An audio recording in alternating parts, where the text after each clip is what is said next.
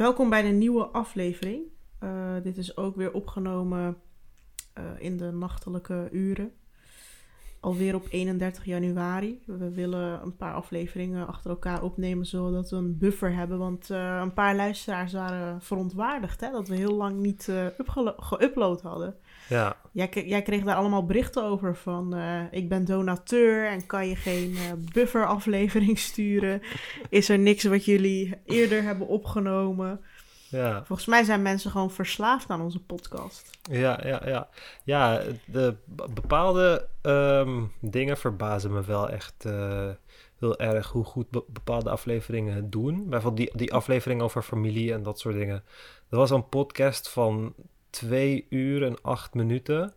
En ja. 64% van de mensen had hem helemaal afgeluisterd. Jeetje, dat is maar. echt, ja, dat je 64% van de mensen twee uur lang echt soort van engaged kan houden.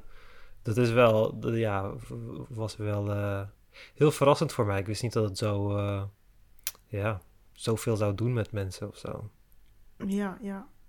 En ik denk dat trouwens dat het percentage wel hoger ligt. Want wat is afluisteren? Als je één minuut voor het einde stopt, heb je hem niet echt afgeluisterd ja, ja, Spotify. Klopt, klopt, klopt, inderdaad. Het was, We uh, kregen heel veel berichten over die aflevering, hè? Ja, die uh, aflevering heeft het...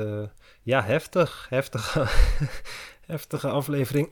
maar de berichten maar het kwam die... uit ons hart, vandaar dat het ook zo goed doet. Ja, dat denk ik. De emotie zat er wel echt in. Ja. Kijk, een, een, een formule voor succes, voor wat je ook doet, is altijd eerlijkheid, vind ik. Als jij Ja. eerlijk iets maakt, of het nou een podcast is of een boek of weet ik veel wat, als jij daar gewoon je ziel en zaligheid in stopt, ja, is er altijd een doelgroep die dat, mensen voelen dat gewoon aan. ja, 100%. Weet je, dat is de reden dat eh, Pieter Omtzigt nu heel populair is. Mensen voelen aan, die man is integer. Ja. Ook, al, ook al heeft hij standpunten die, waar ik niet mee eens ben, ook al is hij christelijk, bla bla, ik ga op hem stemmen, want die man is integer. Pim Fortuyn, die man is integer. Ja, Heel veel mensen voelen dat aan. En ik denk dat dat het geheim is van onze podcast in het algemeen, maar vooral die aflevering. Het is gewoon eerlijk. Het is uit, diep uit het hart. Het is niet voorbereid. Het is niet gescript. Het is niet met een, eh, weet je, eh, voorbedachte raden of zo. Je Ja. praat gewoon wat je voelt. ja, en ja. ja, dat slaat gewoon altijd aan. Ja, 100%. Dat, dat vind ik wel echt leuk, zeg maar. Ik geniet echt van deze podcast en ook heel erg omdat ik mezelf kan zijn, weet je. Want toen we net begonnen was... Toen we net begonnen had ik echt het idee dat ehm, als we, dat we een podcast zouden doen... Dat, onze doelgroep voornamelijk zou bestaan uit wat, uit wat oudere Nederlanders. Weet je? En dat ik dan soort van daaraan moet conformen, weet je? Dat ik een beetje zo... Ja, hoe zeg je dat? Dat ik niet af en toe uit mijn slof kan schieten en dat soort dingen. Dus, eh, en niet af en toe gewoon straattaal gebruik, weet je. Oh, ik moet Ja, maar die stoppen. mensen verstaan dat toch ook? Of, of... Ja, ja, honderd, ja maar soms wordt, worden dingen niet be- begrepen. En dat, dat vind ik dan wel jammer. Maar als ik naar onze demografie kijk, dan is het wel... ehm, ja, alleen volgens mij 30% van onze luisteraars is boven de 45. En eh, voor de rest is het allemaal eh, daaronder. En dat verbaasde, dat vond ik echt zo leuk. Dat, dat- eh, volgens mij is 11% dan boven de 75. En ik dacht, huh? Weet je, dus Ja. eh shout-out naar onze... eh, de groeten aan onze oudere luisteraars. Ja, maar ik Dus vind dat- het... ehm, kijk, je zegt net iets wat heel veel allochtonen hebben. Je denkt dat je een soort van andere identiteit moet aanmeten... op het moment dat jij te maken hebt met Nederlanders... en dan vooral van Nee, een bepaalde ik denk- leeftijd. ik denk niet dat het alleen dat is. Ik denk dat iedereen dat, ik denk dat het hetzelfde is als wat jij in de vorige aflevering zei over Voetbal International. Want Nederlanders, ik bedoel, Eva Jinek is ook niet zo thuis. Weet je? Mhm. En dat is jammer. Dat hele Hilversum gedoe van zo stif. Echt zo stif. Gewoon iedereen Ja, maar krijgt is het twee- niet gewoon ABN? Ja, ja, maar ik heb het niet alleen over de, de, de, de, de, de manier waarop mensen praten, maar de hele, Oh, je bedoelt gewoon Energie. gescript en zo. ja, hele energie eromheen. Weet je, het voelt allemaal Ja, zo ja, koud. Weet je, en voetbal, eh, VI, vandaag is het dan weer wat echter. Want het zijn, in principe zijn het gewoon wat, een paar mannen die lekker aan het chillen zijn. Weet je, en gewoon Oh, over wat dingen, bedoel dingen lullen. En over het algemeen doen die dingen het ook veel beter. Als je kijkt naar de. Joe Rogan podcast, de meest populaire podcast, is gewoon een, een Joe average Rogan, guy. Ja. Het is gewoon een average guy die gewoon met mensen gaat zitten babbelen, weet je. En dan niet voor promotie of weet ik veel wat, maar gewoon om de echte mens te leren kennen. Joe Rogan, die heeft podcasts van meer dan vier uur. Ja. Zijn laatste was met Jordan Peterson, die moet Ja. ik nog luisteren. Zijn gemiddelde kijkcijfers of luistercijfers 11 miljoen per aflevering. Ja, 11 gestoord. miljoen. Er zijn geen programma's op, op tv die zoveel kijkcijfers halen. Dus het is Oh, echt... nee, maar eh, tv is sowieso dood. Alleen tv Ja. snapt dat nog zelf niet. Ja, maar dat, dat, laat dus, dat, laat dus heel erg zien dat er wel vraag is naar die, die long format. Weet je, mensen willen zitten en. Want ik was bang van die aflevering. Twee uurtjes. Twee uurtjes. Dat is, dat is echt een gigantisch deel van je dag. Weet je, Mhm. heb, je gewoon, ge- heb je gewoon geluisterd? Hebben mensen gewoon geluisterd? Duizenden mensen hebben Naar dan ons geluisterd. geleuter Ja. over onze families. Ja, weet je, en dat is best wel, dat is best wel iets dat, eh, ja, dus dat, dat vind ik echt heel mooi, dat we gewoon onszelf kunnen zijn en dat het ook nog een soort van gewaardeerd wordt, weet je. Ik denk dat die Ja. vrijheid om jezelf te kunnen zijn, ook in, in de podcast, om niet te hoeven conformen of zo. En natuurlijk, als ik, ik, eh, soms het gevoel heb om ABN te praten, praat ik ABN. Als soms de tijd eh, toepa- de- ja, dus wat toepasselijker is om straat te praten, dan doe ik dat, weet je. Dus dat, die vrijheid, dat is wel... Want dat heb je ook in het echte leven, weet je. Op werk praat je heel anders dan in de kroeg. En eh, ja, dat, om, om, dat, om die vrijheid te hebben, dat is wel echt een, een blessing, denk ik, met deze podcast. Nou, ik praat dus niet meer anders op mijn... Ik zeg maar, ik ben heel erg... Ik heb heel erg een... eh, jarenlang heb ik geswitcht, weet je wel. Op school had ik de ene identiteit bij Nederlanders. Had ik de andere. Bij Turken had ik de andere. En ik ben dat zo zat. Ja, Ik ben nu gewoon mezelf. En ik ben dat overal. In de podcast, op mijn werk, bla bla, bla. Tuurlijk, als ik eh, bij op één zit, praat ik wat beter. En ehm, zit ik recht overeind. En eh, weet ik waar ik het over heb. En weet ik veel Ja. wat. Dat is wel zo. Dus van die kleine dingen. Maar ik ben wel mezelf. Ik ga niet eh, iets Ja, zeggen ik waar heb- ik no- wat ik normaal niet zou zeggen of zo. ja ik heb die, die, die pure ABN, die verlies ik elke keer als ik dus na langdurig in het buitenland verblijf en dan helemaal geen Nederlands spreek. Als ik dan terugkom, dan neem ik automatisch iets over of zo, weet je. Het is als een pasgeboren kuiken die, die iets ziet en het gelijk zo tot zich neemt als eh, ouder. Of, eh, en, en ik, wilde het bijna weer zeggen, weet ik veel wat en weet je. Die twee woorden, ik weet niet waar ik ze van heb overgenomen, ik deed dit niet. Dat deed ik helemaal niet. En nu is het zo'n, zo'n het, is, het is echt een onderdeel geworden van, ik zeg het zo vaak en ik weet het, hè, alle fouten die ik maak.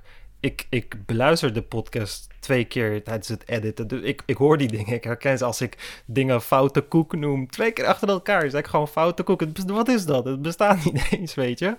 Maar ik maak dan van al die fouten. En vroeger had ik dat niet. Maar ik, ik merk gewoon dat het heel erg achteruit is gegaan. Want zelf, zelfs als ik in Nederland ben, ja, ik eh, ben niet eh, de hele dag met, met ABN aan het praten. Met, in vergaderingen of weet ik wel. wat. Dat is niet mijn werk, weet je wel. Het, meeste wat ik doe is praten met mijn vrienden. En dat is gewoon op onze manier.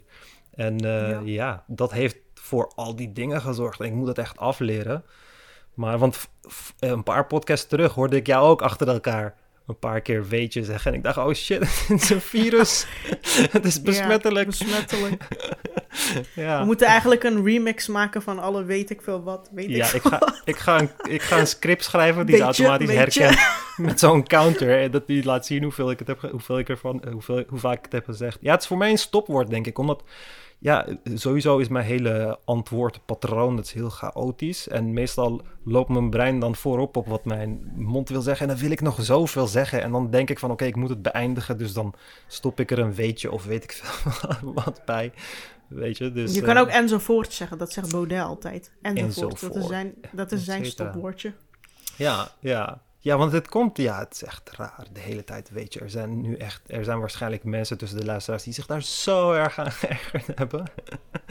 Ja. Maar ja, Nou, ik krijg nooit berichten van mensen die zich ergeren, dus... eh, ja, ja. Ja. ik word er gewoon constant mee geconfronteerd als ik eh, die podcast aan het editen ben.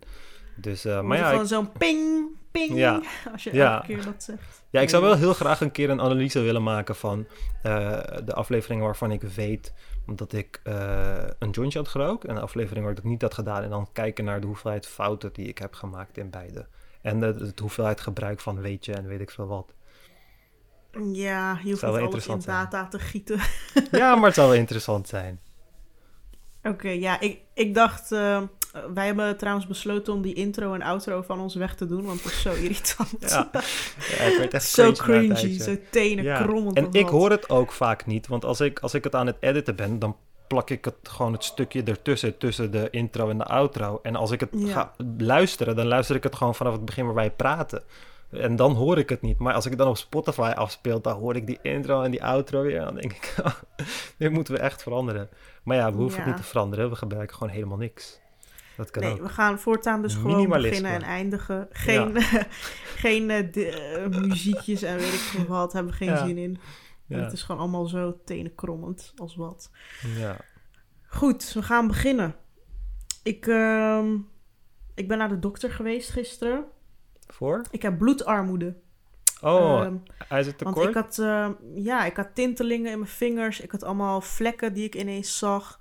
Als ik abrupt van bed opstond, was ik eh, een minuut aan het draaien. Ja. En eh, dat soort dingen. Dus ik dacht, wat de fuck, heb ik tumor of zo? Ik ben best wel hypochonder, dus eh, ik dacht gelijk van, ik heb, ook, ik heb kanker of zo. Maar nee, het was gewoon bloedarmoede. Dus dat scheelt. Maar ik heb heel vaak bloedarmoede. Ik ben ook een paar jaar geleden, was het in Turkije, ben ik gewoon flauw gevallen voor het eerst in mijn leven. Omdat ik heel veel bloedarmoede had. En ik weet niet precies waardoor dat komt, maar die Turkse arts zei tegen mij... Vanaf nu ga jij alleen maar rood vlees eten, anders, eh, anders ga je elke dag flauw vallen, want jouw waardes zijn heel laag, zei ze. Ehm, Hmm. Dus toen had ik echt elke dag rood vlees gegeten. En normaal eet ik dus niet veel vlees. Misschien is het wel daarom, maar ja, heel veel mensen zijn toch vegetarisch en veganistisch en weet ik veel wat. Ja. ik eet af en toe gewoon vlees, maar alsnog heb ik veel bloedarmoede. Ik snap dat niet. Ehm, hmm. Neem jij eh, een multivitamine elke dag?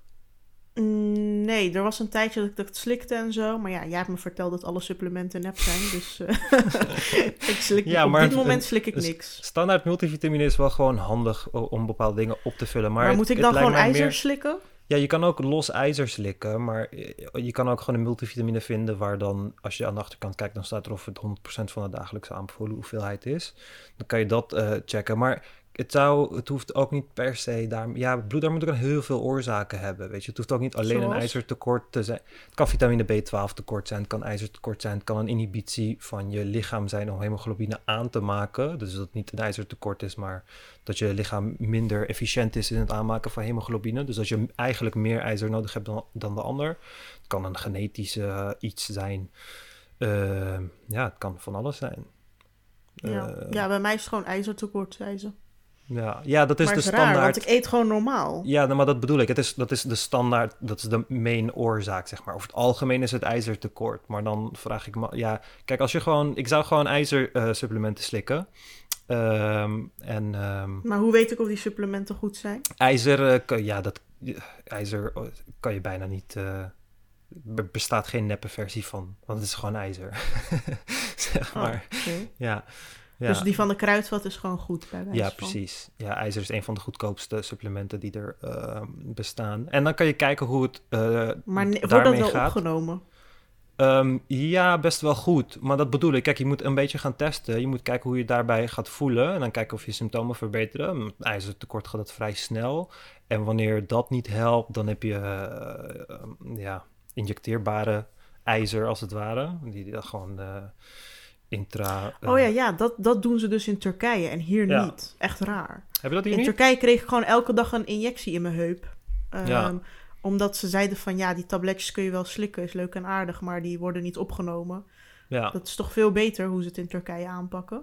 Eh, injectie is altijd de betere manier Ja, waarom doen ze dat hier niet? medicijn. Ook met omdat we, D. omdat we een aversie hebben tegenover naden. In, al, in alle andere, ja, alle andere landen. In het oosten, Rusland, Azië en dat soort dingen.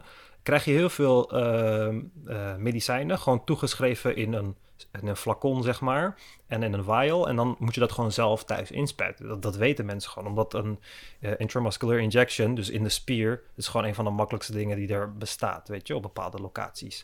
Dus ja. Uh, dus ja, mensen hebben dat gewoon aangeleerd. Maar in het Westen is het heel erg slikken. En daar komen allemaal problemen mee, want je moet de stof aanpassen zodat het je maag overleeft, je darmen overleeft, uh, metabolisme met de lever overleeft, al die dingen. Terwijl een injectie gewoon direct wordt opgenomen.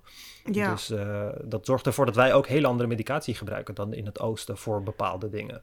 Maar ik wil jammer. geïnjecteerd worden. Hoe regel ik dat in Nederland? Ja, je kan het gewoon ijzer. Dat is niet, het is niet, je hebt daar geen recept voor nodig. Dus uh, ik weet niet hoe hoe dat heet. Waarschijnlijk heeft het een bepaalde naam, dat weet ik niet. Daar ben ik niet zo heel erg thuis in. Ik doe meestal, kijk, vitamine B12, dat injecteer ik gewoon zelf, weet je. Omdat het gewoon uh, veel beter wordt opgenomen. En ik heb een genetische afwijking, waardoor uh, ik vitamine 12 sowieso minder goed process, zeg maar.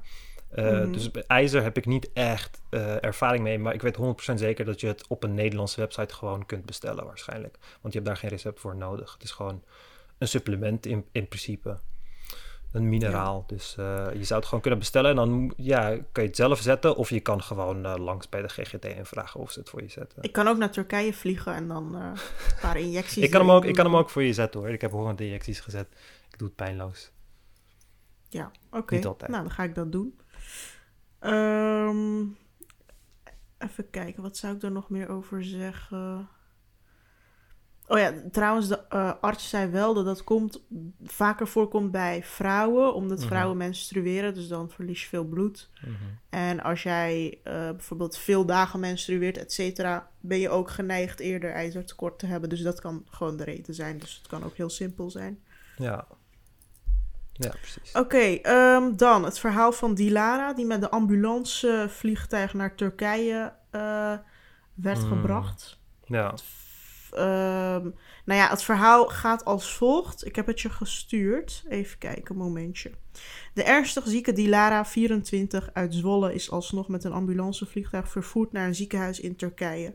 Dat is volgens de familie helemaal te danken aan president Erdogan. Hij heeft dit mogelijk gemaakt en ons daarmee een groot trauma bespaard, reageert haar broer Onur uit Istanbul. Bij Dilara werd acute leukemie geconstateerd. Haar toestand ging zo snel achteruit dat ze sinds 31 december aan een kunstmatige beademing moest. De artsen van het ziekenhuis in Zwolle zagen geen kans meer op herstel en wilden op, wilden op 1 februari haar behandeling stopzetten. Dat zou betekenen dat Dilara snel zou komen te overlijden. Aanvankelijk werd de reis als te risicovol, te risicovol voor Dilara gevonden, maar na contact met de Turkse autoriteiten is alsnog daartoe besloten. De ouders van Dilara nemen nu het risico van transport. Anders zou Dilara deze week zeker komen te overlijden. Van het AD.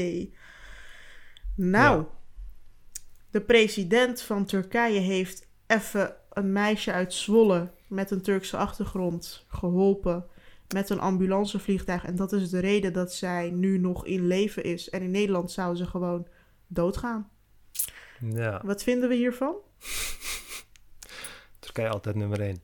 Nee, uh, nee, ja, dit, ja. Nee, maar dit is toch goed? Dit is toch ja, ik vind, ik vind het goed, maar ja, ik vind het goed. Ik vind het goed. Maar? Ja, ik, ik, ja, ik weet het niet. Ik, ik, vind het, ik vind het gewoon... Ja, maar dan ben ik gemeen. Ik vind het... Ja, kijk, het is eigenlijk gewoon marketing. Hè? Het is eigenlijk gewoon reclame. En het is omdat ze Turks is. En het is een enorme privilege. En weet ik veel wat. En uh, ja, ik, ik gun het haar 100%. Alhoewel ik betwijfel dat het iets gaat uithalen. Weet, weet je, het is, een heel groot risico ze nemen. Um, maar ik vind het een beetje te veel voor uh, iemand, zeg maar. En ik denk dat als die media-aandacht er niet was, het niet was gedaan. Want er zijn in het oosten van Turkije letterlijk mensen die doodgaan omdat er geen ziekenhuis in de buurt is aan hele simpele ziektes. En ja, dat zijn ook allemaal Turken. Maar ja, als je die overvliegt met een vliegtuig, dan uh, heb je, krijg je niet allemaal media-aandacht en uh, het volk dat uh, roept dat Erdogan een baas is en Turkije altijd nummer één en weet ik veel wat. Dus dat, dat wordt niet gedaan. Dus ik denk dat het wel duidelijk is dat, ja, dat het puur daarom gaat. Het is gewoon imago, dat is wat het is. Ja. Ja, want dan wordt uh, de president weer als held onthaald en ja. krijgt hij misschien wat stemmen erbij. Ja, 100%. En, en sorry, maar het is niet slim. Like, ik weet niet wat. Ja, het is niet slim. Het, het is gewoon niet slim om... Ja, ik, ik ken het medisch dossier niet hoor. En ik ben ook geen dokter of zo. Dus het is ook niet dat ik er iets uit zou halen. Maar ik, ik, ik heb helemaal nul details. Behalve dat ze aan de beademing ligt. En alleen dat al. Ja, dat is niet alsof ze met een zuurstoftank rondloopt of zo. De beademing, die letterlijk de apparatuur. Het gigantische apparatuur die jou in leven houdt. Weet je. En dan ga je een vliegtuig in waar gigantische luchtdrukverschillen zijn. En weet ik veel. wat. Dan ga je al die ris- risico's nemen voor. Ja, wat. Maar blijkbaar, ja, ik weet het niet. Blijkbaar zijn die ouders overgehaald. En eh, ik hoop oprecht dat het eh, goed uitpakt voor haar. Maar ik vind het eh, heel erg, ja, het is gewoon marketing. Oké. Ik wilde trouwens nog een bericht voorlezen wat wij hebben gekregen zonder de naam. Ehm, ja. Hier staat man Lale, ik luister je podcast over familie et cetera voor de vierde keer opnieuw. Geeft me zoveel kracht. Mijn ouders hebben onlangs ontdekt van mijn relatie met een Belgische jongen en dat ik ontmaagd ben. Ze behandelen me letterlijk als een stuk vuil. Ik ben opgegroeid in Sule internaten, dus ik voel je boek en je podcast zo hard. Ze willen me uithuwelijken in april met de buurjongen uit Turkije. In je podcast zeggen jij en Ömer: Ik hoop dat mensen die in dezelfde situatie zitten zo snel mogelijk ook weg kunnen. Maar hoe dan? Vraagtekens. Ik ben niet sterk genoeg om ook een boek te schrijven. Als ik wegloop, vinden ze me en mag ik lekker terug naar huis toe.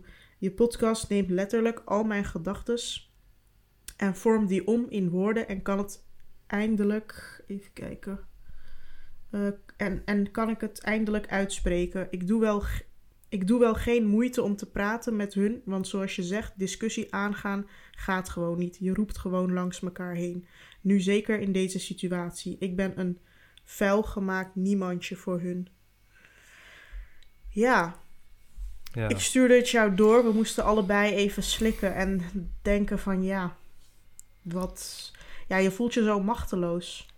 ja dit is eh, ja, een van de problemen die... eh, ja, ik echt toen met de Facebookgroep... Ik heb twee Facebookgroepen gerund met eh atheïsten en ex-moslims. En ehm, ja, als je dan dat soort berichten binnenkrijgt, dan, ja, dan denk je, ik vind het zo erg. Ik, ik, zou, ik, zou, ik, zou, ik zou zo graag die druk willen verlichten en het oplossen, maar ik, ik weet niet hoe. En het is heel lastig. Weet je, het, het is echt heel lastig. Heel, heel veel van die dingen ehm, liggen, ja, je- in je eigen handen. En dat is zo kut. Het is zo kut om te zeggen. Want letterlijk, letterlijk, het enige wat je kan doen, wat je moet doen, is financieel onafhankelijk worden en uit huis gaan. En als je boven de 18 bent, hebben ze verder helemaal niks te zeggen. Weet je, en als je bang bent voor ze, ja, dan, dan ga je ergens wonen waar ze. En dan vertel je dat niet. Weet je, Ja, dat, dat, dat, dat ga je dan uiteindelijk doen. En het is zo jammer dat dat, dat, dat de enige oplossing is. Van ja, laat alles achter en be- begin opnieuw. Ik begrijp dat het voor heel veel mensen een soort van bevrijdend kan klinken, die niet in zo'n situatie zitten, maar het is kut. Het is echt kut. Weet je, en het, zijn allemaal implicaties voor in je toekomst. Dat betekent dat je gaat trouwen en dat er geen familie is. Er is geen familie aan, aan de kant van de bruid of de bruidegom. Er is geen familie. Weet je, dat betekent op kerstmis en weet ik veel wat, je je bent niet met je familie. Weet je, dus dat, dat, dat, al die dingen gooi je dan gewoon weg. En dan moet je voor je eigen pad kiezen. En dat, dat moet je echt doen. Het is echt belangrijk dat je dat doet, want dat gaat je wel gelukkig maken. Want die vrijheid maakt wel gelukkig. Maar het is alleen zo lastig dat die pad naar dat vrijheid zo lastig is. En zo eenzaam is, weet je. Als ik die mensen had kunnen helpen, dan had ik dat echt heel graag gedaan. Maar het is gewoon, ja, ik kan niks anders doen dan advies geven. je bent aan het verhuizen, je hebt geen familie, Ja, bijvoorbeeld. ja, Ja, het is niet om te lachen, maar dat is gewoon zo. Dat is de harde realiteit. Je moet zware dingen tillen, je hebt geen familie. ja. Het is een heel eenzaam pad, maar En eerlijk, is het is het, het is het, ja, het is het echt waard. Het is het echt 100% waard. Als jij verliefd bent op een Belgisch jongen, ga achter die Belgische jongen aan. En Ja. misschien worden jullie samen gelukkig en misschien ook helemaal niet. En dan maakt echt helemaal niks uit. Want er zijn zoveel andere Belgische jongens. En van alle andere verschillende nationaliteiten. Weet je, het maakt echt helemaal niks uit. Maar het is wel leven. En dat moet echt wel een soort van, ja, meegemaakt worden. Dat, dat, dat, je wil dat echt niet missen. Je wil dat echt niet missen in je leven om twee onwetende mensen blij te houden. Weet je, dat is het, dat is het niet waard als jij er zelf niet gelukkig van wordt. Het is echt belangrijk om je eigen geluk voorop te zetten. Dat is echt heel belangrijk. Ja, de grootste fout die je kunt maken in deze situatie is meegaan erin en trouwen, lijkt mij. Ja, 100%. Want uh, dan is je lot voor eeuwig vastgez vastgezet. Uh, je kan eventueel scheiden later. Ja. Met kinderen, zonder kinderen. Oké, okay, dat kan, maar dan heb je zoveel schade opgelopen. Het is het niet waard. Ja, um, niet alleen jij, ook de kinderen. Hè? Je kan toekomstige kinderen... levens opfokken door gewoon in een relatie te stappen waar jij niet zeker van bent. Waar jij helemaal niet. Ja. Uh, ja. Kies ja. voor liefde, kies voor jezelf, kies voor vrijheid. Ook al heeft dat heel veel nadelen, het heeft zeker één groot voordeel. En dat is dat je vrij bent om te doen en laten wat je wil. Ja. En uiteindelijk leven we in Nederland. Het is geen Turkije of weet ik veel wat. En ja. Ja, toen je mijn... kan in Nederland gewoon anoniem, weet je, je, je kan, iedereen is bereid je te helpen. Je kan bijvoorbeeld, ja. uh, oh, je hebt ook instanties waar je hulp kan zoeken. Humanistisch Verbond is hier heel erg mee bezig. Je hebt daar een, ja. uh, je kan daar gewoon contact mee opnemen. Um, ik, je kan zelfs, ik denk zelfs dat de burgemeester van jouw gemeente, et cetera, uh, bereid is jou te helpen. Ja, als je in een stad woont waar je bijvoorbeeld heel moeilijk aan huizen komt, kun je een urgentieverklaring verkrijgen, omdat je dan in een onveilige situatie thuis zit en, en dat soort dingen. Dus de politie dat, dat, dat wil je, helpen, ja.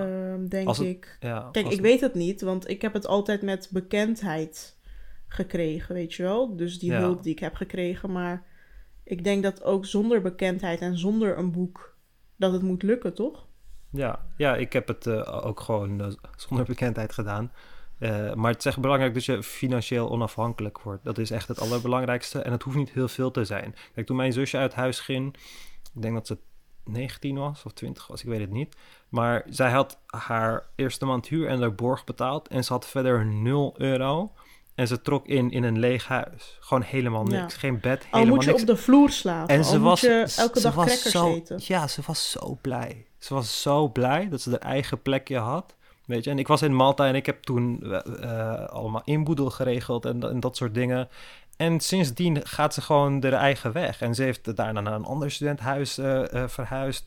En nu studeert ze in Leiden en woont ze daar met allemaal vriendinnen. En het lijkt allemaal onmogelijk in het begin dat je geen leven kan hebben zonder die mensen. Maar het is echt, het is echt prima mogelijk. En het, het, het voelt ook heel erg, ja, je krijgt er heel veel voldoening van om je eigen leven in elkaar te kleien, zeg maar. Weet je, dat, dat is echt een, een, een, ja, ja, een lekker gevoel, zeg maar. Ja, maar ik zeg eerlijk, het, hui- het vinden van een huis is ook bijna onmogelijk in sommige Ja. steden. Ja, Ik bedoel, zelfs ik heb eh, heel lang moeten zoeken en ik betaal nu 2000 euro huur, zoals je weet. ja. Dat is toch belachelijk? Ja, en ja, En ja. ik ga nu verhuizen, maar Ja, maar Het is- nu, je, nu je 2000 euro huur, hebben, huur hebt gezegd, denken mensen dat je, mensen denken dat je in een super luxe grachtenpand woont. Maar ja, Nee, je woont nee, letterlijk in een flat met allemaal sociale huurwoningen om het je is heen. gewoon een flat. Het is gewoon het meest Ja. basic appartement wat je maar kunt Ja, bedenken. ja, ja, Ehm, ja. Maar het is Amsterdam, dus 2000 euro. Ja. Ja, En, en dit, dit is overal zo in de grote steden. Dus het Ja. is heel makkelijk om te zeggen van... oh ja, eh, vind een huis en eh, al moet je op de vloer... Alleen al iets als vind een huis is jij onmogelijk. moet echt studentenwoning. En als dat niet kan eh, op kamers. Mijn eerste woning was 17 vierkante meter. Mijn tweede woning was 22 vierkante meter, weet je. Dus het zijn niet Ja. echt... eh, ja, je, je begint klein, maar eh naarmate... Schrijf je in voor studio's, eh, Ja. schrijf je in voor... Soms heb je van die advertentie, zoekt huisgenoot en zo. Alhoewel, dat is misschien een beetje... mm, ja, ik weet niet. Ik zou dat niet snel doen in zo'n situatie. Want je weet niet wie je kan vertrouwen en zo. Ja. Ehm, dus dat is misschien een beetje eng nog. Ja, je hebt wel in studentensteden heb je wel eh, dat eh, meisjes dan, dan wonen vijf meisjes, hebben dan samen een gigantisch huis. En eh, dan ga je gewoon op huisvisite en dan kom je wel leuke plekjes tegen, weet je. Zo heeft mijn zusje wel eens eh, woningen gevonden. Maar ja, Ja. ja, je moet wel, eh, het is wel, je moet wel echt hard werken. Hè? Dat is wel echt belangrijk. Het is gewoon, Ja, het gaat je niet komen aanwaaien. ja, school, werk, school, werk, school, werk. Dat moet je, en ja, natuurlijk is er, dit klonk echt als, als van de Limburg school en werk is. Maar het is, het is wel heel belangrijk om je op die twee dingen te focussen. Want dit, is, dit gaat echt de basis van je nieuwe leven zijn, zeg maar. En het is echt belangrijk dat die basis goed is. En zodra je dat op orde hebt, dan eh, ja, ga je, echt, ga je jezelf echt heel goed voelen. En dan kan je beginnen te, te verwerken wat je allemaal is overkomen de, de laatste twintig jaar. Ja. Weet je? Dan, Ik eh, dat je dan- jaren later trots op jezelf terugkijkt. Ja. En een verhaal hebt van... eh, nou, ik heb dit moeten doorstaan en ik heb dat toen moeten doen... en ik heb zonder meubels moeten wonen... en ik heb eh 60 werkuren per week gedraaid... maar ik Ja. sta hier wel. Ja, 100%. En dan ben je ook super trots op jezelf... en kan je dat ook aan je kinderen of weet ik veel wat vertellen later. Dus ja, Ja. ik... ehm, ja, misschien is het makkelijk praten hoor... maar ik... ehm, ik ga mijn best doen om deze persoon te helpen. En oké, we gaan verder. Ehm, even kijken. Ik had, een, eh, ik had jou wat doorgestuurd van een ehm, quizspel uit Turkije. Oh ja. En daarin kwam de vraag, even kijken. Ehm, in 1980, in het jaar 1980, in welk land hadden kinderen die bastaardkinderen waren en ehm, even kijken, en uit arme gezinnen kwamen, eh, werden die kinderen verkocht of zo. Daar, ik probeer nu, terwijl Ja. ik dit voorlees, lees ik uit het Turks, probeer ik het te vertalen. Even kijken.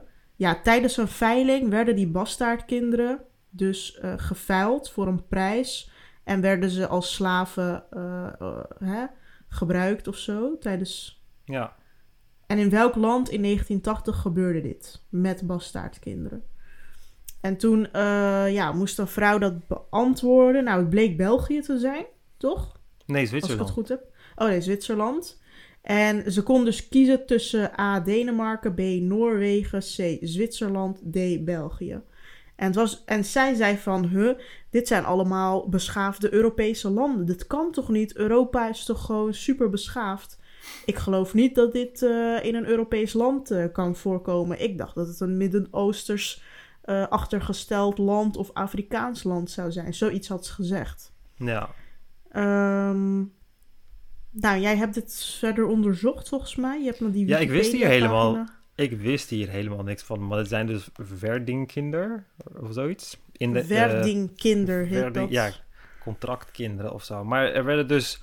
eh, kinderen werden van hun ouders eh, afgenomen of weeskinderen. Dus weeskinderen of kinderen vanwege een soort van morale redenen, zeg maar.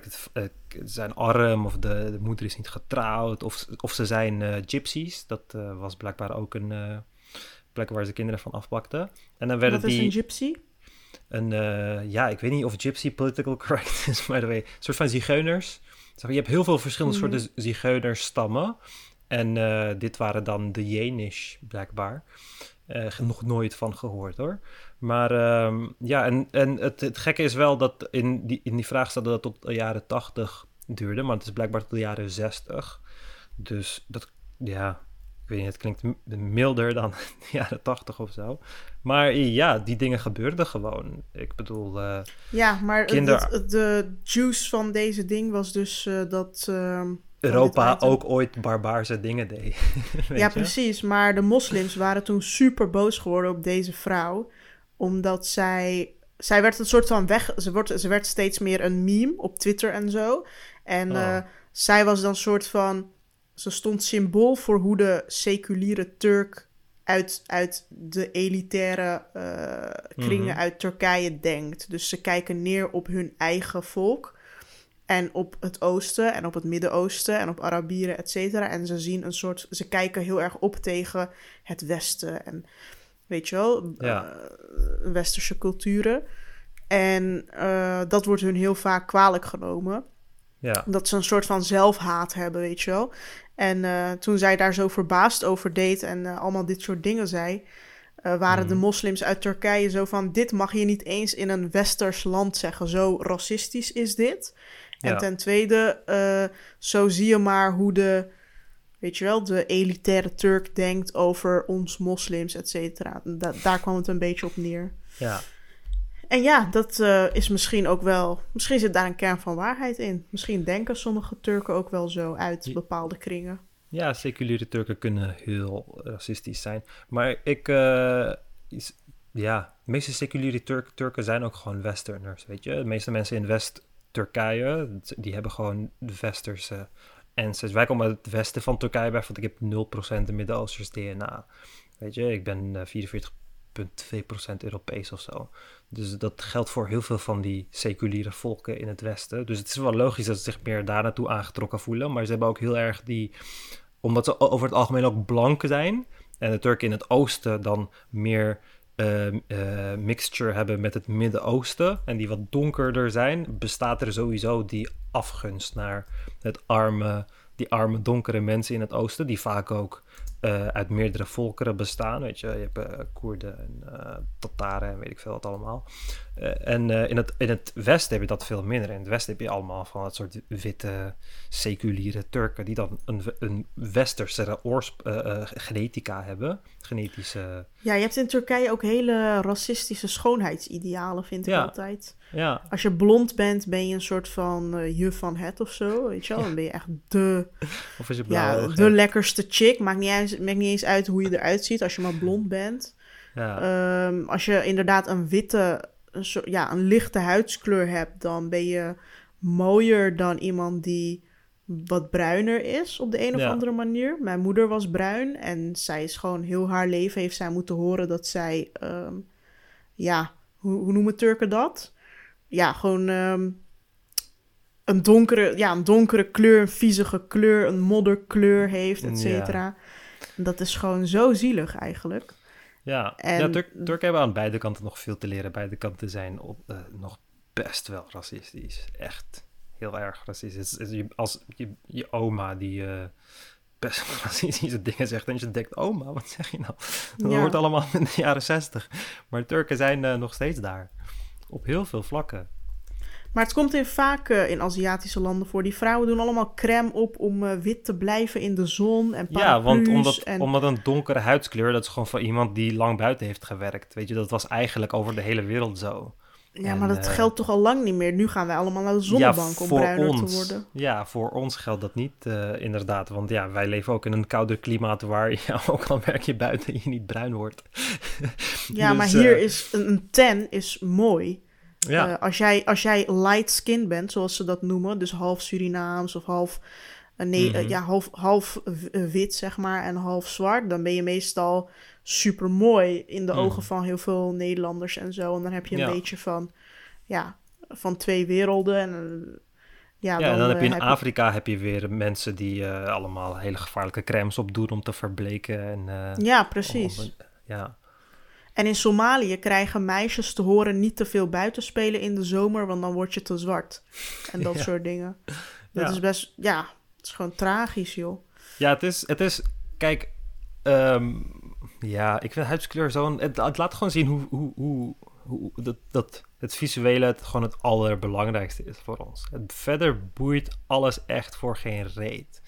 Een, een, een donker en wit persoon zouden gewoon bijna 99% met elkaar dezelfde DNA kunnen delen. En dat alleen het huidskleurgen anders is. En dan zou je twee zwarte kunnen hebben, die dan echt enorm verschillen genetisch. En toch zou je die twee, twee zwarte bij elkaar groeperen. Want het is gewoon, oh ja, dezelfde kleur, die horen bij elkaar. Weet je? En Ja. dat is echt zo jammer. Dat is altijd ook eh, dat hele probleem geweest. Dat, eh, dat iedereen die zwart werd bij elkaar werd gegroepeerd. En iedereen die wit was bij elkaar werd gegroepeerd. En toen bleef er ja, helemaal geen context meer over. Terwijl je enorme verschillen hebt tussen Oost-Afrikanen en West-Afrikanen. Of Chinezen en Japanners en, en weet ik het wat allemaal. Ja, maar, dat, vind dat die zien we niet meer. ik vind die zelfhaat van Turken echt wel ergerlijk. Ja, maar ik weet niet of het eh, zelfhaat is. Want als jij zo'n seculiere witte Turk bent en jij haat de soort van Midden-Oosterse invloed, dan haat je niet jouw invloed. Dan haat je gewoon. Maar ze kijken op die mensen neer. Zo van, jij hebt Ja. een bruine huidskleur. Of jij bent kort. Of jij bent weet ik Ja. veel wat. eh, jij lijkt Ja. op een Arabier. Ik lijk op een eh, Griek en zo. Ja, ik Ik, heb, het, haat dat echt van Turkije. ik heb dat heel vaak meegemaakt. Ja, ik heb sowieso een wat donkerdere huid. Al mijn mijn, zeg maar, mijn vader is donker, mijn moeder is spierwit, groene ogen. Ja, En, bij mij is het eh, omgekeerd. Ja, en alle kinderen, vijf kinderen, vier daarvan zijn gewoon wit. En dan ben ik gewoon donker, weet je. Maar ik heb daar, daar wel heel vaak, dat ze in Turkije dan denken dat ik Koerd ben. Of dat eh, Ja. toen met mijn hipster-Turken ding, weet je, toen ik viral ging, dat al die Turken schreven van, kijk naar hem, hij is geen Turk, hij is Koerd. Ja, hij is ja. Armeen of hij is Koerd. En dan denk ik van, grap, ik, ik weet meer dat ik, ik weet meer van mezelf dat ik Turk ben dan, ik heb meer bewijs van dat ik Turks ben dan jij, laten we het zo zeggen, weet je. Ik Ja. kom fucking uit, eh, al 200 jaar uit Istanbul. Ik weet niet wat, eh, hoe Turks er ik toch moet zijn. Dus, ehm, Ja. Het ja, is dat- ook een beetje, mm, bijvoorbeeld dat zwarte vrouwen altijd heel veel geld investeren om stijl haar te krijgen. Van die pruiken en zo. ja, ja, Omdat ze leren dat stijl haar mooier is dan hun afro. Terwijl het nergens op slaat. ja, En, en Turken doen allemaal hun neus. Iedere Turks vriendin van mij heeft, heeft haar neus gedaan in Turkije. ja. Omdat Turken meestal een hakenneus hebben of een grote neus. Ik, bij mij zie je dat ook wel een beetje. En dan gaan ze zo'n Europese wipneusje nemen. Ja. ja ze is proberen, mooi. je probeert de genetica om te, ze- om te omzeilen, weet je. Want mannen vinden dan zo'n symmetrische of kleine neus vinden ze dan mooier of zo. En dan een scheve neus, dan denkt jouw hoofd, jouw onderbewustzijn... oh, dat zijn geen goede genen, dus daar wil ik geen kinderen mee. Maar ja, dan Ja, fixen maar, ze die dit neus. is hoe, ja, maar dit is hoe Turken denken. Want in Nederland vinden ze bijvoorbeeld een hakenneus juist mooi. Het is Hmm. maar hoe je het kijkt. Ja, ik Ik- weet niet of dat voor iedereen geldt. Ik, ik vind, ik, ja, ik weet het niet. Ja, dan, dan zeggen... Kijk, sommige mensen vinden dat juist mooi. Want dan zeggen ze van dat is juist eh, heel eigen. Of dat laat juist zien dat jij eh, hè, een andere afkomst hebt en zo. Ja, het is wel Eh. zo dat als je in landen waar ehm, mensen. Ja, kijk, in, een- in een land waar iedereen wit is en blond haar heeft en, en blauwe ogen heeft, dan is het, wordt een donkere. da- Dan is het opeens van: oh, wauw, wat een donkere ogen. Weet je, dat hoor ik wel eens van: wauw, wat een mooie donkere ogen. En dan denk ik van: het is donker. Het is alsof je in de nacht in het bos kijkt en denkt van, wow, kijk wat mooi. Het is donker, je ziet niks. Weet je, het is, eh, ik heb het altijd heel ja, gek net als dat gevonden. Turken blauwe ogen helemaal ophemelen. Ja, ja, ja, het is maar wat je, wat je mist. En het is wel heel interessant, want het laat, kijk, het, zeg maar het feit dat die dingen, het feit dat je bijvoorbeeld in Scandinavië, bijna 99 voor ehm, eh, migratie, dat je 99% blond en blauwe ogen hebt. Blauw oog is geen sterk gen. Het wordt heel makkelijk overmeesterd door eh, het bruine ooggen. En blauw oog is zo'n 40.000 jaar geleden geëvolueerd in het noorden van de Zwarte Zee. Dus ooit heeft iedereen, ooit is er iemand geboren met blauwe ogen. Dat dit is gewoon de first person met blue eyes. Dat is gewoon gek dat ze hem niet vermoord hebben. Of waarschijnlijk werd hij aanbeden. Maar daarna zijn er gewoon populaties ontstaan die alleen maar blauwe ogen hebben. En dat laat zien dat de blauwe ogen elkaar hebben gevonden of zo. En bij elkaar bleven. Weg van de bruine ogen die diegene konden verdrijven. Weet je, dat ze een soort van geïsoleerd leefden. En ja, dat, dat is heel interessant, want dat laat zien dat we dat al heel lang doen. Dat we op kleine details letten van ons die overeenkomen. Van, oh, ik heb blauw oog, jij hebt blauw oog, wij horen bij elkaar. Weet je, of mijn Ja. huid is deze kleur, jouw huid is deze kleur, wij horen bij elkaar. We doen dat al heel lang en het is heel moeilijk om uit je systeem te krijgen. Het is gewoon ja, inherent tot de evolutie van de mens, denk ik. Ja, maar ik zou toch echt beweren dat dat nu tegenwoordig juist omgekeerd is. Ja, voor ons, maar wij zitten echt aan de top, denk ik, van ontwikkeling, toch? Voordat Ja. die Turken bij ons zijn, zijn we 20 jaar verder. Zij moeten ook nog een hele MeToo-tijdperk hebben en allemaal dat soort dingen. En dat mensen worden gecanceld omdat ze verkeerde dingen op tv zeggen. Weet je? Ja. Ja. Ja. Twee weken geleden verscheen er een column van mij in het Parool. En die kan ik wel helemaal gaan voorlezen, maar het is een beetje lang. Dus ik ga een samenvatting geven. Maar Ja. het kwam erop neer dat GroenLinks eh, eh, vakken in de moedertaal wilde geven aan eh, Nederlanders met een migratieachtergrond. Oftewel allochtonen. Hmm. En ik schrok daar zo erg van. En ik heb zo'n boze column eruit gegooid. Ja, Eh, voor de mensen die het willen lezen, het is verschenen in het Parool. Als je in het zoekbakje, zoek, zoekbalkje bij, het parool, bij de Parool-app Lale Gul of Lale intypt, dan kun je het lezen als je een abonnement hebt op het Parool. Want ik mag de column niet delen, helaas. Hmm. Ehm, maar in ieder geval had ik geschreven dat het me enorm boos maakt dat, eh, dat GroenLinks met dit voorstel komt, omdat je daardoor ja, allochtonen klein houdt. Want wij weten hoe belangrijk het is om Nederlands te spreken bij sollicitatiegesprekken, bij stageplek zoeken, Ja. bij überhaupt alle relaties die je aangaat. Verbale begaafdheid is zo een key to succes Mhm. ehm, in alles wat je doet. En juist Ja. als je dat niet hebt, juist als je die taal niet eh, goed machtig bent, dan heb je te maken met discriminatie en uitsluiting. En ja. eh, weet je, dan, dan mag je niet eens bij de klantenservice eh, van, van, van de McDonald's werken, bij wijze van, omdat je een accent hebt. Ja. Ehm, ja, misschien nog wel bij de McDonald's, maar laat ik zeggen, niet bij KPN of zo. ja. En snap jij waarom zij hiermee komen? Ik vind het echt zo raar, want het, het gaat er ook vanuit dat allochtonen de moedertaal beter beheersen dan Nederlands. Dat doen heel veel allochtonen helemaal niet. De meeste, Turken, de meeste jonge Turken spreken helemaal geen goed Turks. De meeste Marokkanen beheersen de eh, eh, Marokkaans helemaal niet goed. Weet je, het Nederlands beheersen ze veel beter. Dus waarom zou je het in, in de moedertaal geven? Weet je, dat is toch zo, dat is toch zo absurd. Je probeert mensen toch te laten integreren. Waarom? Ja, Ja. Ik, weet, ik vind de motivatie, ik ben echt benieuwd naar de motivatie erachter. Want, Nou, de motivatie was dat uit wetenschappelijk onderzoek blijkt dat de moedertaal, als die niet eh, goed gesproken is, dan leer je blijkbaar een tweede en een derde taal ook niet goed of zo. Dus de moedertaal moet, zeg maar, stevig geleerd worden. Kijk, en daarom moet je ook niet. school, schoolvakken krijgen in de eigen taal. En dan pas moet je Nederlands als tweede taal aannemen. Hmm, nee, ik denk dat ouders dan gewoon beter moeten focussen op het eh, leren van de, ta- de taal aan hun kinderen. Ja, ik weet Ja, het het is wel de omgekeerde wereld. Wat Ja. ga je nou wiskunde in het Turks mm, geven? Ja, maar ja. Ja, ik snap het gewoon niet. Kijk, in, in Amerika worden, eh, heb je soms klassen die dan in het Spaans worden gegeven of zo. Voor, voor Mexicanen en, en, en whatever. En dan begrijp ik het, want ja, je, je grenst letterlijk aan Zuid-Amerika. Je toch? Best wel veel eh Spaans sprekende landen en Mexico en dat soort dingen. Niet dat Mexicaans Spaans is, maar goed.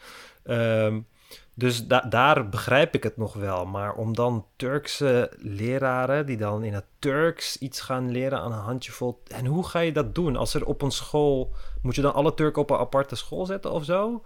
Weet je? Dat is heel ja, het heeft raar. allerlei praktische bezwaren. Wij hebben nog niet eens genoeg leraren voor de klas. En nu Ja. moeten we ook nog leraren vinden die die talen, die meerdere talen kunnen spreken voor Ja. speciaal die leerlingen. Dus Wat je ik zou, zeggen, ga ja. eerst. eh, Maar is het voor de basisschool of middelbare school? ehm, dat weet ik, maar volgens mij basisschool. Ja, Hmm. dat zou Dus je zou, je zou er een extra vak voor kunnen maken voor buitenlandse, of ja, buitenlandse studenten wiens ouder een migratieachtergrond heeft. Eh, zou je een aparte vak kunnen maken voor hun moedertaal? Ik denk dat veel Turken het ook wel chill zouden vinden als ze in plaats van Frans en Duits Turks erbij kunnen nemen of zo. Ehm, ja, misschien is dat dat een optie is, maar ja, dat, ik vind dat heel raar. Want dan moet je alle Turken bij elkaar zetten, want het is praktisch niet logisch. Als je maar twee Turken op een school hebt, wat ga je daar een leraar zetten voor twee Turken? Dus je moet alle Turken bij elkaar zetten. En ja, waar de fuck ben je dan mee bezig? Het is Ja. toch duidelijk dat het averechts werkt.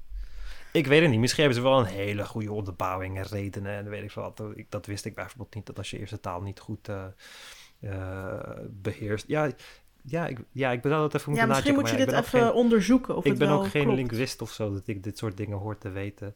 Dus eh, ik, kan, ik kan wel even kijken. Maar ja, ik, ik weet het niet. En ik, ja, ik vind het... Ja, ik weet het niet. Ik denk Opdracht sowieso... voor de volgende podcast. Ja, ja, maar ik vind het wel interessant, hè. Want ik vind bijvoorbeeld bilingualism of mensen die meerdere talen spreken... dat is best wel speciaal, hè. Heel weinig mensen op aarde spreken meerdere talen. Eh, eh, ja, meerdere talen. En voor Amerikanen is het echt een hele... Als ik Amerikaanse vrienden heb en ik zeg... ja, ik spreek drie talen, dan is echt wow. Terwijl in Nederland is het van... ja, logisch dat je drie talen spreekt, weet je. Dat is helemaal geen achievement. Eh, zat mensen die vier, vijf talen spreken. Maar het, het is wel een enorme eh, ja, cognitieve achievement. Want in het Nederlands heb je zo'n 60.000 woorden. In het Turks heb je zo'n 120.000 woorden. Engels ook 120.000 woorden. Zelfs als je maar 80% van de totale vocabulaire zou kennen... dan ja, meerdere honderdduizenden woorden heb je gewoon in je hoofd in verschillende talen. Dat is best wel een eh, achievement, weet je. We hadden er eerder ook over gepraat dat dat ja, best wel speciale effecten heeft, zeg maar. Dat benefits heeft. Maar eh, ja, ik zie, ik, zie, ik zie wel in waarom dat getraind zou moeten worden. Maar en de voordelen en alles. Maar op de manier waarop ze het brengen is heel, eh, is heel gek. Ehm Dennis de Lachgaskoning krijgt een documentaire op Videoland. Ja, Ehm, hij had mij een bericht gestuurd van eh, je hebt echt goede columns en eh, ja, gewoon goede bijdrages. Dat vond ik wel heel lief. ja.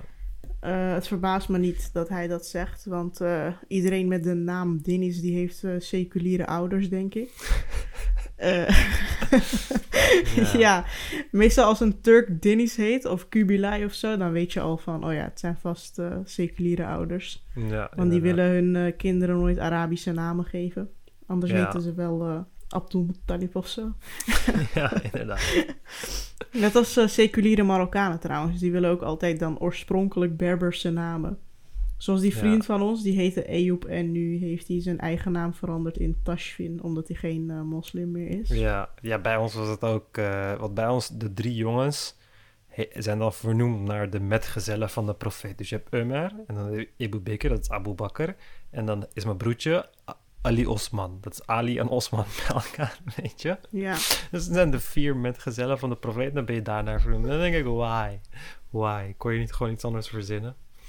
Ben je niet blij met je naam? Nee, je kan hem nog veranderen.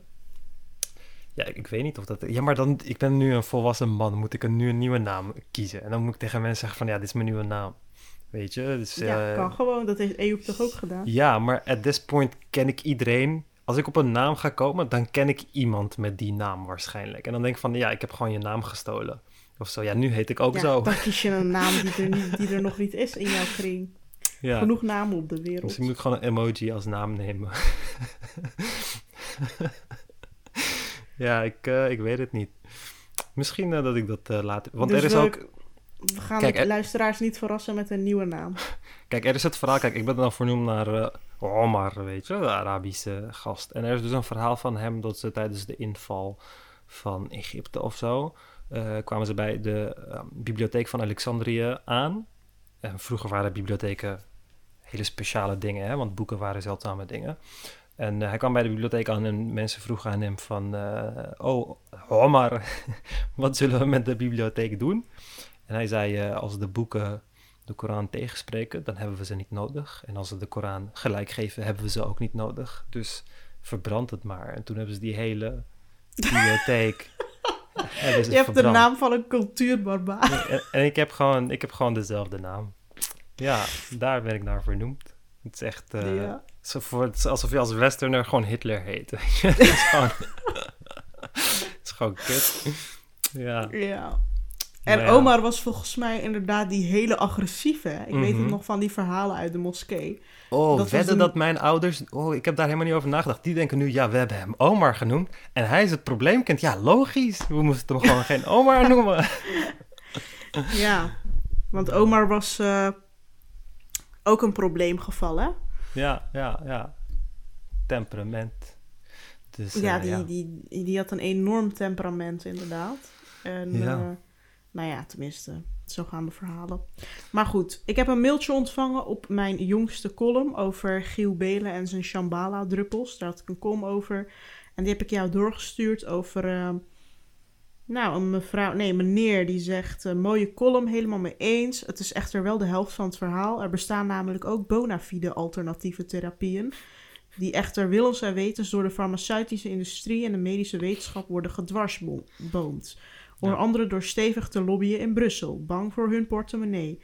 Denk Mhm. bijvoorbeeld aan de acupunctuur, een effectieve therapie die al meer dan duizend jaar bestaat.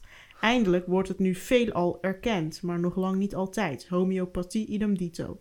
Oh, En dan de behandeling met bacteriofagen als Mhm, vervanging van antibiotica.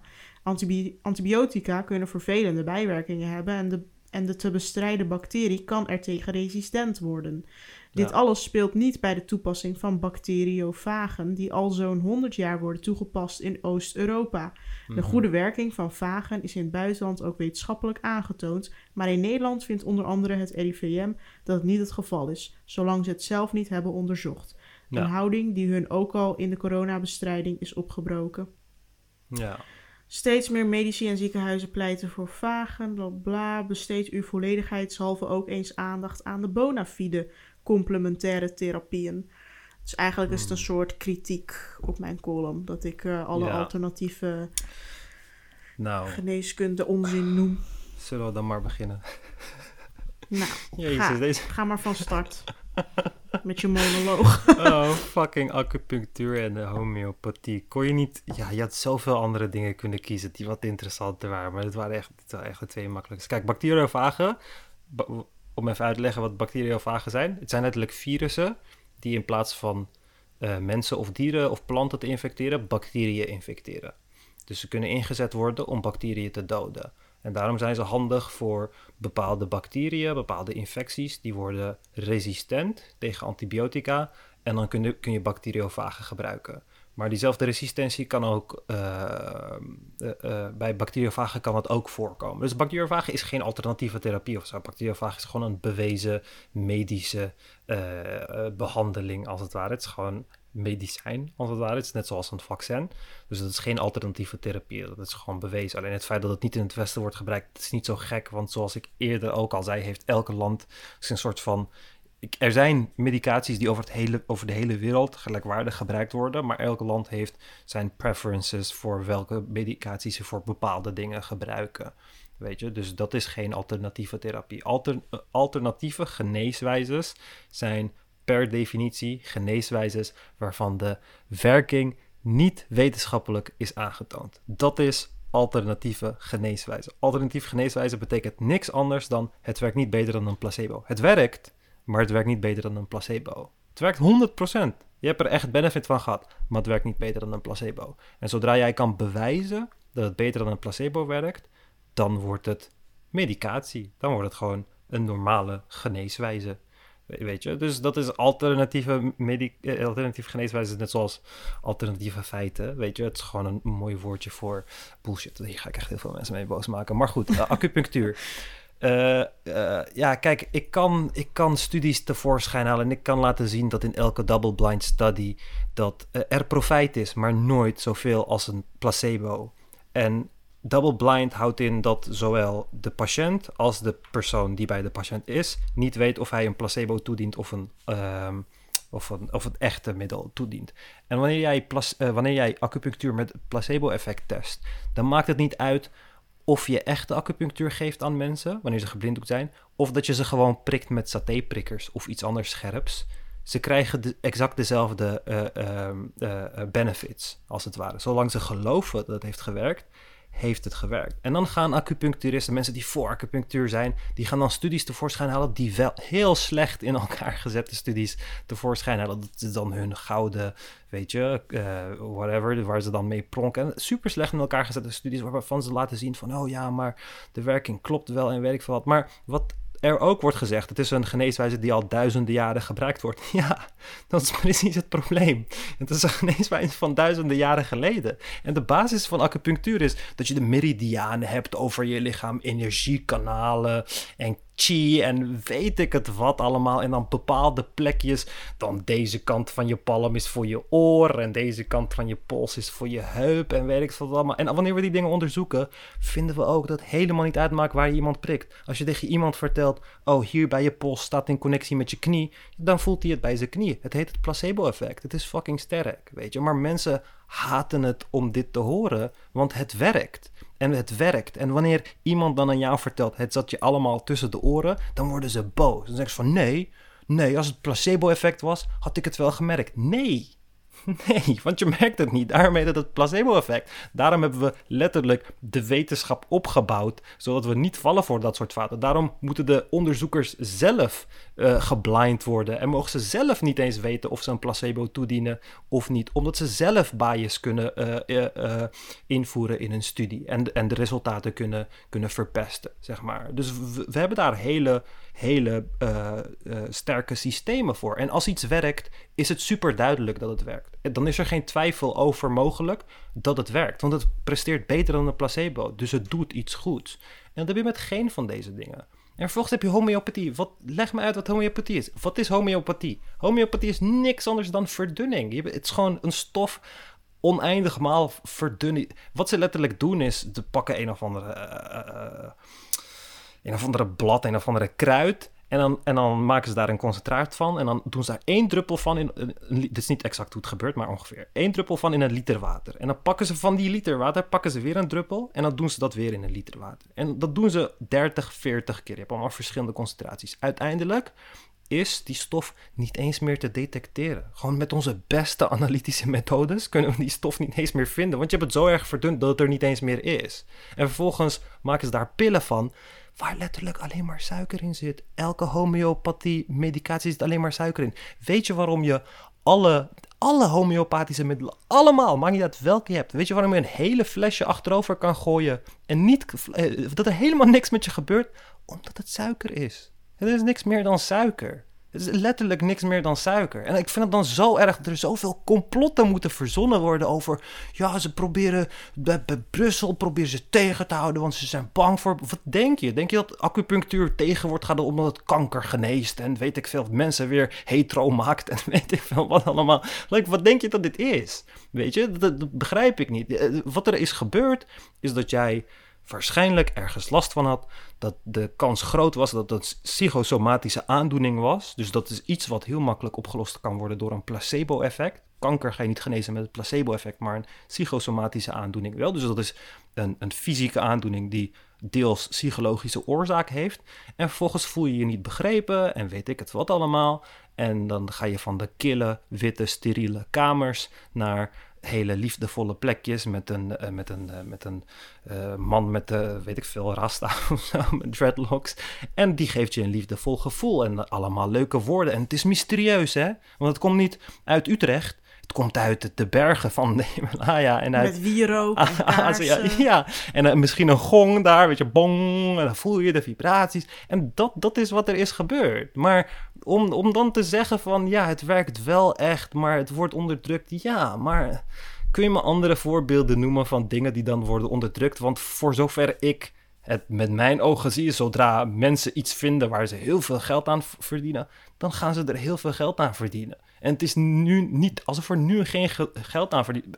Acupunctuurindustrie is een multi-billion dollar industry. It's fucking huge. Gewoon over de hele wereld. Weet je? Dus om dan te zeggen van, oh ja, Big Pharma en in Brussel lobbyen ze en weet ik veel wat allemaal. Het is een schande dat het wordt... Oké, misschien geen schande. Ik, ik, ben nu even over hier aan het raken. Want alternatieve therapie, oef, maken me echt boos. ik vind het al jammer dat verzekeringsbedrijven acupunctuur vergoeden. Weet je, ik begrijp dat het placebo-effect voor sommige mensen helpt. Maar het feit dat het wordt vergoed, doet sommige mensen echt denken van... oh ja, kijk, het werkt wel echt, want ze vergoeden het. Weet Volgens mij worden zelfs besnijdenissen vergoed. Ja, ja, ja, exact. Dus uh, ja, en dat doen mensen niet omdat uh, het werkt of omdat het goed is of weet ik veel wat, maar omdat ze daar klanten mee kunnen trekken. Dat is letterlijk de enige reden waarom de verzekeringen dat doen omdat mensen dat leuk vinden. Mensen houden van alternatieve dingen. Want het is alternatief. Het is anders. Het is exotisch. Weet je, net zoals ze in Aziatische landen uh, het christendom super exotisch vinden. Van ja, jongens, deze, deze profeet of, uh, of, uh, of God of half God of whatever je, Christus ook al ziet, die komt uit de woestijn. Die komt uit hele, hele, komt uit Noord-Afrika. Weet je hoe ver dat is? Dat is exotisch en weet ik wat. En ja, die vinden sinaasappels en appels exotische dingen. En wij vinden kokosnoten en mango's uh, exotische dingen. Dus het is die hele exotische, onbekende factor van... oh ja, het komt uit het Verre Oosten en het is al duizenden jaren, dus het moet wel werken. Ja, ik kan je ook wel, uh, als je geld over hebt, kan ik je ook wel duizend therapieën verkopen die ouder dan duizend jaar zijn. Weet je, als dat je maatstaf is voor hoe goed het werkt, kan ik je een 200.000 jaar oude uh, medische medische behandelingen aanbevelen. Weet je, zoals een, een, gat in je hoofd maken omdat je hoofdpijn hebt. Wat we vroeger ook deden, wat ook werkt, by the way. En wat ook wordt gedaan over, over de hele wereld. Dus ja, om, om te doen of alsof wat Turkse vrouwen doen, dat ze komkommer en aardappel aan hun hoofd uh, binden. als, ja. Als ja. ja, maar het is magie. Het is magie, weet je. En voor acupunctuur bijvoorbeeld is het dan helemaal niet belangrijk dat je aantoont dat die meridianen bestaan en die chi en die energie. is helemaal niet eens belangrijk. Kan je allemaal vergeten, want oh, het voelde wel echt. Weet je? Oh, Hans Klok liet wel echt die, die tijger daar verschijnen. Dus het moet wel waar zijn. Het is letterlijk het equivalent van dat. Weet je? Het is mensen zijn ontzettend makkelijk om voor de gek te houden. Vooral jezelf. Weet je? Vooral je, jezelf voor de gek houden is een van de makkelijkste dingen om te doen. En om, dat, ja, om dan te doen van, oh ja, wetenschappers en corruptie en fraude. En ik, ik word daar zo scheidziek van. Ik heb een bericht gehad van een volger wiens moeder... Uh, je hebt een bepaalde verzonnen ziekte, chronic, uh, chronic Lyme disease, chronische Lyme. Het zijn dan mensen die... Ja, verzonnen ziekte? Ja, je hebt heel veel verzonnen ziektes. Dus dat, dat zijn ziektes die hele uh, algemene symptomen hebben. En uh, er is geen manier om te diagnosticeren dat je die ziekte hebt. Dus je hebt leaky gut en je hebt, uh, weet ik veel, chronic Lyme disease. Je hebt allemaal verschillende, weet je. Je hebt zelfs vrouwen die denken dat ze zwanger zijn, maar ze zijn niet zwanger. Maar omdat ze denken dat ze zwanger zijn, groeit hun buik. En dan hebben ze gewoon een zwangerschap. Ja, hebben ze gewoon een zwangerschap van twee jaar of zo. Weet je, want er zit geen baby in. Weet je, en die vinden elkaar op het internet. En dan gaan ze allemaal verhalen delen. En eh, alternatieve therapie gaat ver. Het gaat heel ver. Je hebt Miracle Mineral Solution. Dat is letterlijk bleek. Dat is letterlijk bleek. Waar, eh, eh, waarvan men dan claimt dat als je dat rectaal inbrengt in kinderen, dat autisme geneest. En die boeken waren ontzettend populair op Amazon. Ontzettend populair. Ze zijn allemaal van Amazon afgehaald. En mensen noemen dat uh, censuur en weet ik veel wat allemaal. Maar tienduizenden ouders brachten rectaal bleek in de anus, rectaal bleek in bij kinderen, autistische kinderen, om ze te genezen van autisme. Wat je niet kan genezen omdat het fucking genetisch is. Jullie fucking idioten. Weet je, dat soort shit maakt me dan zo boos omdat het is letterlijk, het, is, het, is, het, is, het, zorgt voor zoveel trauma in, in mensen. En dan is het van, oh ja, maar boeken worden gecensureerd. En dan denk ik van, je hebt geen idee wat de fuck er gebeurt. Je hebt geen idee hoe ver mensen kunnen gaan in alternatieve therapieën. Weet je, van, oh ja, kanker kan je ook zo genezen en dit en dat. En dan denk ik van, ja, maar... Het is zo slecht doordacht. Het is zo slecht doordacht. Vijf minuten een beetje rondlezen op de juiste plekjes op het internet in plaats van de website die je van alles probeert te verkopen.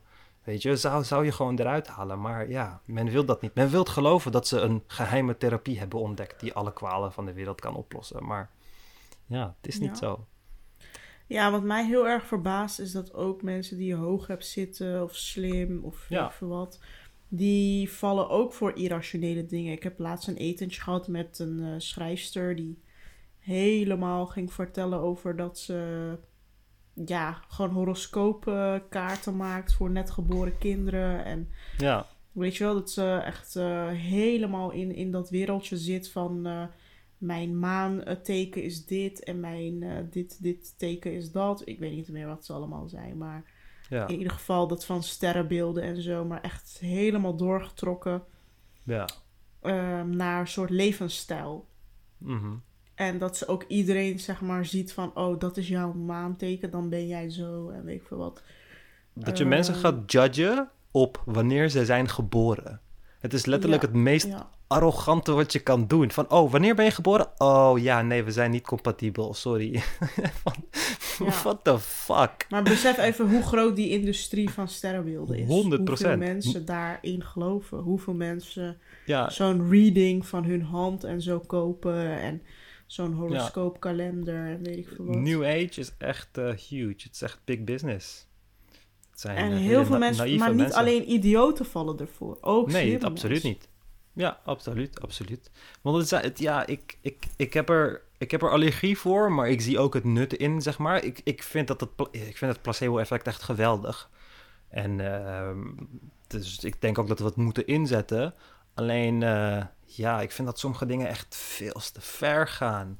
En dan vind ik het zo jammer. En dan is het met kristallen, weet je. Dan zijn ze allemaal, hebben ze allemaal verschillende kristallen. En dan is het van, oh ja, en deze helpt tegen depressie. En deze helpt tegen dit. En deze helpt tegen dat. En dan denk je van, ja, maar dat is allemaal en niet waar. En er zijn zoveel andere interessante dingen die je over die kristallen had kunnen leren. Weet je, zoveel interessantere dingen. Het feit dat we kwarts, als we daar elektriciteit doorsturen, dat we precies weten hoe lang een seconde is. Dat is hoe elk apparaat op de hele wereld weet hoe lang een seconde is. Omdat we elektriciteit door een kristal sturen en die 31.000 keer vibreert en we dat gewoon delen tot een bepaald, uh, door een bepaald getal en we dan een seconde krijgen. Dat is hoe we tijd bijhouden met kristallen en elektriciteit. En dat is waar. En het is een stuk interessanter dan... Oh, als je deze op je voorhoofd legt... dan eh, komt positieve chakra je leven verbeteren of zo, weet je. Dus ik verbeter mijn vrienden daar altijd op. Dan is het van... Oh ja, de energie die ik hier voel... en de vibraties. En denk ik van... Energie en vibraties. Ik weet wat allebei die woorden betekenen. Ik weet ook hoe je allebei die dingen meet. En allebei die dingen waren niet aanwezig. Bedoel je een gevoel? Want je bedoelt eigenlijk een gevoel, niet energie en vibraties. Ik begrijp dat het uh, hoger klinkt en spiritueel klinkt, maar je bedoelt gewoon een gevoel. Je voelde iets, weet je, dat noemen we een gevoel. Weet je, dan had ik, oh, de, de negatieve energie die ik van hier krijg. Nee, van ja, eh, alsof er een soort van magische ding door de lucht zweeft en je dat kan aanvoelen of zo. Het is echt heel... Het is een hele verkeerde manier. Maar dat komt omdat mensen een gat hebben. Dat proberen ze op, op te vullen. En ja, waarom zou je Waarom zou je echte dingen over kristallen leren als je ook kan verzinnen van, oh, deze is goed voor je hart. Deze is echt goed voor je hart, man. Ja, ja, ja. Ik had uh, zo'n uh, website waar ik altijd supplementen bestelde. Totdat jij vertelde dat het allemaal nep was. Maar um, die stuurde me altijd van die uh, gelukstenen, gelukstenen ja. mee. Van armbandjes en weet ik veel wat. Ja. Oh, ik dacht echt van. Uh... En waarom moet Maar juist als je me dat stuurt, dan ga ik juist twijfelen aan je supplementen. waarom zijn het altijd kristallen die dan. Uh, weet je? Want kristallen, de enige reden waarom kristallen speciaal zijn geweest. Omdat vroeger, voordat glas bestond en allemaal dat soort dingen bestonden, is het, het enige solide, doorzichtige wat er bestaat. Er is verder niks in de natuur dat doorzichtig is, maar solide is. Weet je, behalve ijs. En dat kom je ook niet overal tegen. Dus het was heel speciaal voor mensen om te zien. Dus mensen gingen er automatisch speciale krachten aan attributeren.